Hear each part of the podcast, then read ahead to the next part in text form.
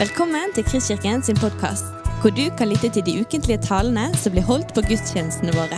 Vi håper denne podkasten vil inspirere og utfordre deg til å kjenne Gud, elske mennesker og tjene vår verden.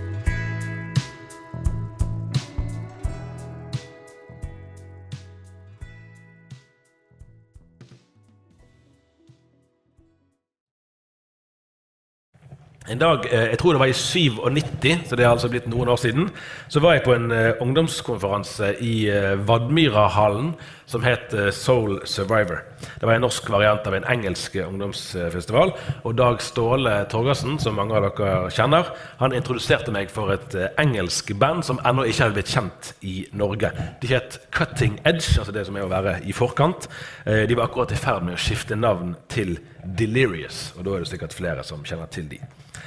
Dag Ståle viste meg en av uh, platene deres. Dette var jo på den tiden der man opererte med CD-er. CD var til og med nesten nytt på den tiden.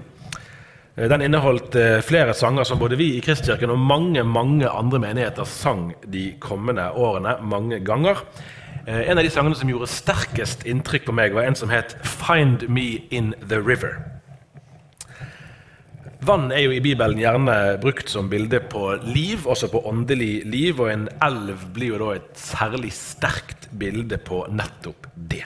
Så 'find me in the river', finn meg i elven, eh, blir jo en slags metafor på det å være i Guds strøm, så å si. Å være i Jesu følge, på en måte. Eh, men sangen bærer også med seg en nerve på den måten at samtidig som den uttrykker sangerens lengsel etter åndelig liv, så uttrykker den òg en forståelse av at livet er ikke uten motstand og smerte. Litt enkelt, vi, litt enkelt oversatt så kan vi gjengi teksten sånn som dette. Vi har lengtet etter å se rosene, men aldri kjent tornene. Vi har kjøpt våre vakre kroner, men aldri betalt prisen vi regnet ikke med lidelse, vi regnet ikke med smerte. Men hvis velsignelsen er i dalen, så vil jeg vente i elven. Find me in the river, find me there, find me on my knees with my soul laid bare. Even though you are gone and I'm cracked and dry, find me in the river, I'm waiting here for you. Synger de. Vi er på et veldig spennende sted i Markusevangeliet om dagen. På en måte kan vi si at uh, det vi kanskje ville kalt med moderne ord Jesu ministry, den er på høyden. Da tenker jeg ikke på selve frelsesgjerningen, men på den offentlige møtevirksomheten, om vi kan si det sånn. Her er det mye som skjer. Og la oss ikke miste det viktigste av syne. For det er et møte, eller mange møter, med Guds godhet, dette. Med Guds velvilje. Det som å lese fra Jesaja 55.: Kom, alle tørste. Kom til vannet. Dere uten penger, kom og kjøp korn og spis. Kom, kjøp korn uten penger, vin og melk uten betaling. Slik er Gud. De siste ukene har vi lest flere tekster der Guds makt og godhet blir demonstrert. Og Vi får tro at dette er skildringer av virkelige hendelser. De tegner et makeløst bilde av Gud gjennom hvordan Jesus Kristus opptrådte. Tekstene er dramatiske på flere nivåer, både i det som skjer, og i det som er under oppseiling i Jesu synliggjorte omsorg for de lidende og undertrykte, kombinert med hans oppgjør med de religiøse lederne. Tekstene er utfordrende fordi de har en brodd som også rammer oss. Samtidig er de oppmuntrende fordi døren til Guds nåde, til Guds rike, er åpen for alle. Jeg elsker den aronittiske velsignelsen som vi pleier å avslutte gudstjenestene med. Herren velsigne deg og bevare deg. Herren har sitt ansikt lyse og lyse og lyse og lyse over deg og være deg nådig. Herren løfter sitt åsyn på deg og gir deg fred. Velsignelsen formelig syder av Guds velvilje, av kjærlighet fra den Gud som tenker fredstanker om menneskene og vil gi oss fremtid og håp. Gud er god. Herren er nådig og barmhjertig. Det er ikke ute med oss. Guds nåde er ny hver morgen. Tenk på det de fikk oppleve, menneskene vi skal lese om i dagens tekst.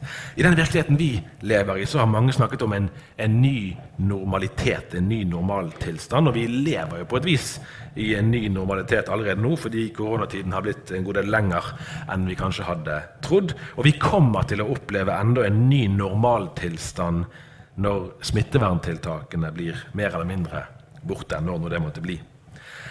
Men tenk på den normaliteten vi får beskrevet i teksten som vi straks skal lese. F.eks. når det står at alle som rørte ved ham, ble friske. Det var sånn det var, liksom. Det forteller oss så mye om Jesus.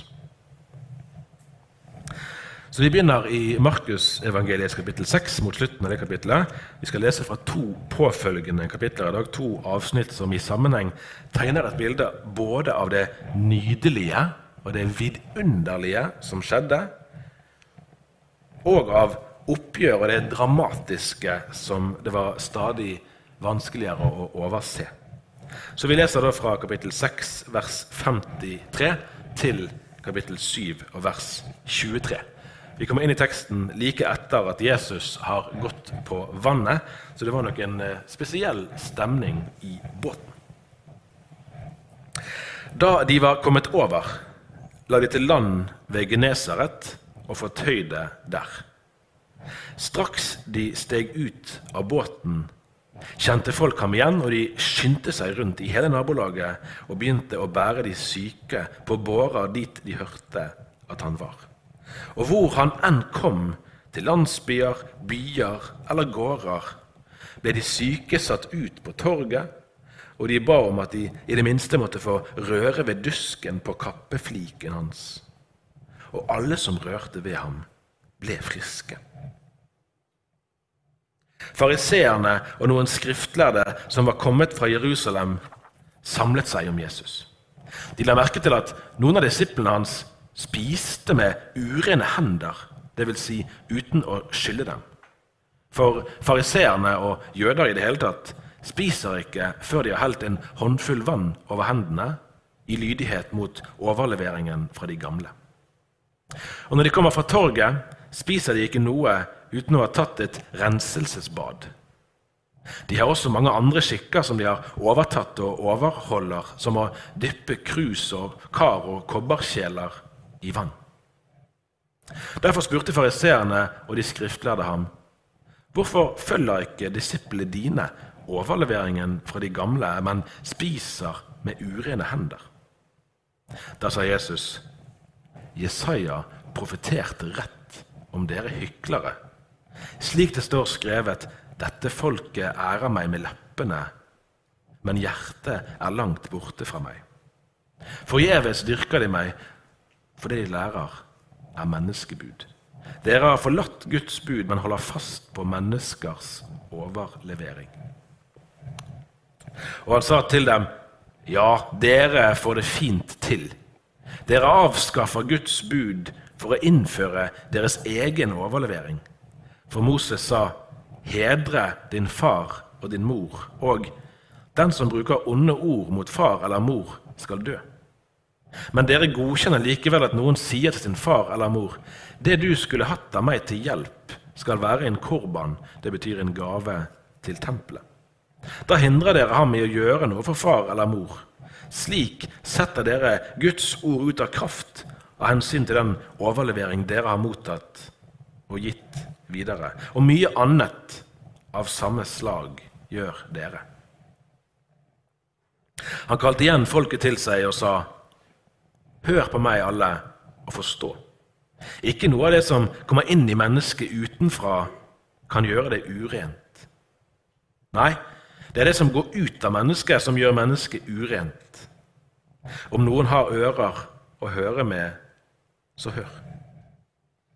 Da han var kommet innendørs, bort fra mengden, spurte disiplene ham om lignelsen. Forstår ikke dere heller noe? sa han. Skjønner dere ikke at ingenting som kommer inn i mennesket utenfra, kan gjøre det urent? Det kommer jo ikke inn i hjertet, men bare ned i magen og går ut og dit det skal. Dermed slo han fast at all mat er ren.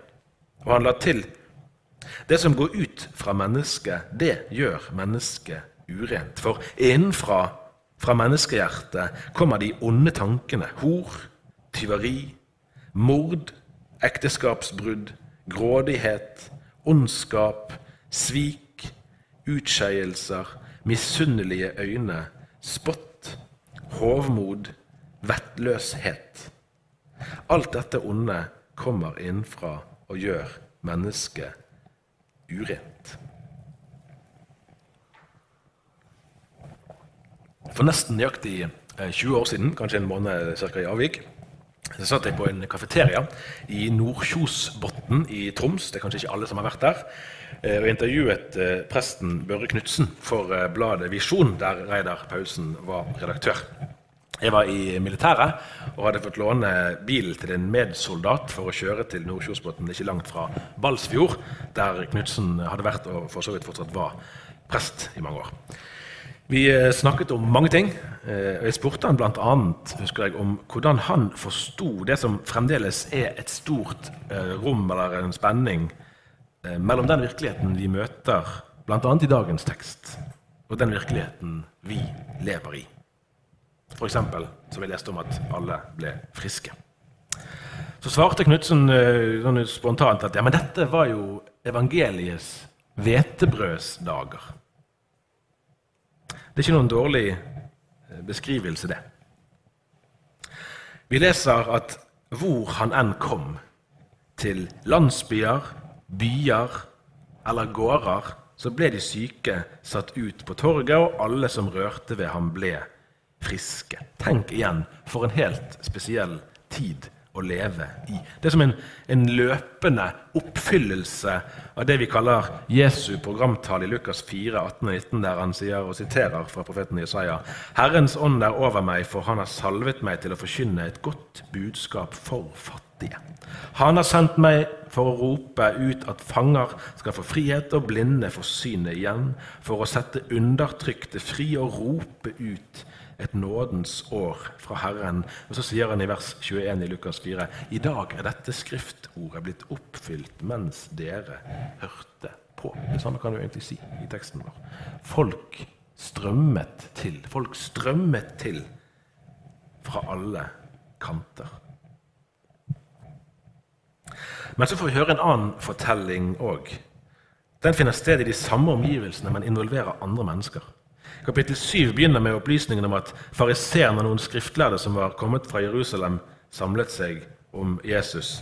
Nevnte Paulsen skrev om dette en gang at det finnes ikke tegn på at de jublet med de syke som ble helbredet. I stedet var de opptatt av hvilke skikker Jesus og disiplene hans ikke opptrådte i samsvar med. Jesus hadde i sin tjeneste den største respekt for Guds bud. Det en derimot hadde mindre til overs for, var menneskebud som ble fremstilt som Guds bud. I møte med slikt kunne han være ganske knallhard. Dere har forlatt Guds bud, men holder fast på menneskers overlevering, sa Jesus til dem. Kritikken kunne nesten ikke ha vært hardere. Han sa at de gjorde det helt motsatte av det de angivelig ønsket, gudfryktige som de var i egne øyne. Guds bud er gode selv om de kan være vanskelige. Menneskebud kan være til hinder for både godhet og kjærlighet. Jesus omtaler et par konkrete eksempler. I Det gamle testamentet i andre Mosebok som vi så vidt snakket om her i sted, så finner vi et bud om at prestene skulle vaske hendene før de spiste. Fariseerne hadde gjort dette allment. Det var ikke noen helt fjern idé, men altså ikke et påbud eh, fra Gud. Og Jesus setter dem på plass. Så leser vi om en skikk som går ut på at man ved å love å gi en gave til tempelet kunne slippe unna forpliktelser man ellers hadde overfor sine nærmeste. Jesus kalte dette synd mot budet om å hedre din far og din mor. Det fremstår nærmest grotesk å ignorere omsorgen for sine egne foreldre til fordel for gaver til tempelet, men på den annen side er det vel ikke helt umulig å spørre om dette kan ha overføringsverdi til noen av oss òg. Så er det teksten går over i en mer undervisende del, der Jesus sier noe som for bevisste lutheranere kanskje er velkjent, men som nok er noe mange av oss trenger å bli minnet om i dag. At ikke noe av det som kommer inn i mennesket utenfra, kan gjøre det urent. Nei, det er det som går ut av mennesket, som gjør mennesket urent. Så det er altså ikke samfunnets eller omgivelsenes skyld at vi synder. Synden finnes inne i hver og en av oss. Og den kan ikke utslettes ved hjelp av ytre fromhetsøvelser. Mennesket kan ikke bli rettferdige for Gud gjennom å være prektig eller å leve åndelig sett vellykkede liv. Det kan virke dystert, det vi leser til slutt i dagens tekst, at innenfra kommer fra menneskehjertet kommer de onde tankene, altså både hor, tyveri, mord, ekteskapsbrudd, grådighet, ondskap, svik, utskeielser, misunnelige øyne, spott, hovmod og vettløshet. Alt dette kommer innenfra og gjør mennesket urent. Ingen av oss kan eller bør heve oss over dette. Disse tankene finnes inne i oss òg, og de ser ikke ut til å forsvinne med det første. Det er ingen grunn til å hoppe over dette eller prøve å gjemme det bort. For realitetene forsvinner ikke selv om vi ser en annen vei. Så i stedet for å tenke at dette handler om noen andre, kan vi få være blant dem som takknemlig tar imot Guds gave. Blant dem som tar imot, slik de som tok imot invitasjonen Isaiah 55 gjorde det. Dere uten penger, kom og kjøp korn og spis. Kom og kjøp korn uten penger, vin og melk uten betaling.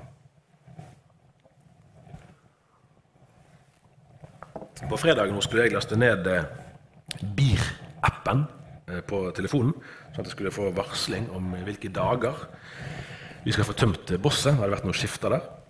Eh, sønnen min på åtte satt og så på, og han syntes det tok litt lang tid å få lastet denne appen ned. Selv om det bare tok noen sekunder. Tankevekkende nok. Sånn har vi kanskje blitt.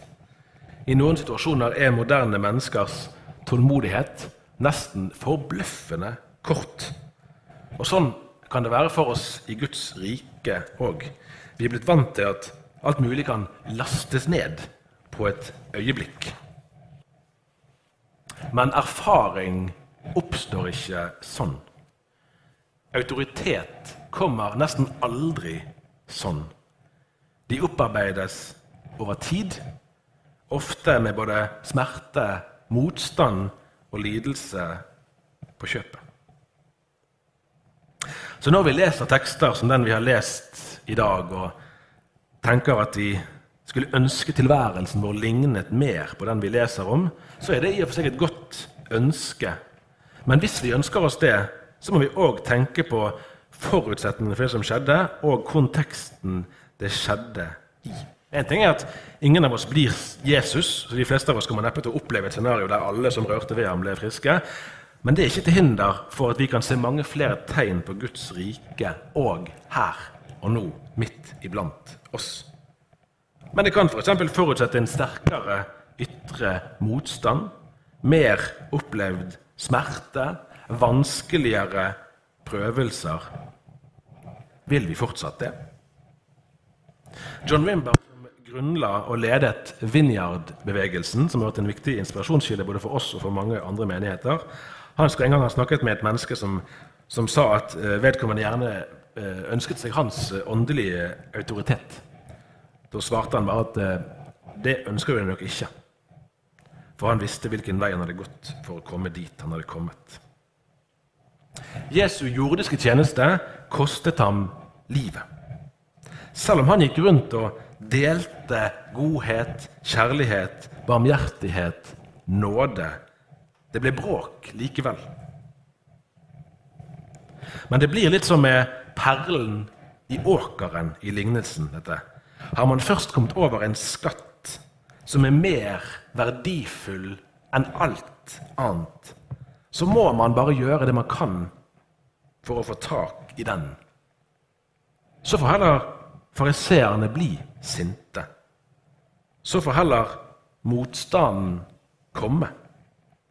Reidar skriver i sin konklusjon om dagens tekst at mangel på glede over det Gud gjør for syndere, det går igjen som et kjennetegn på falsk gudsfrykt.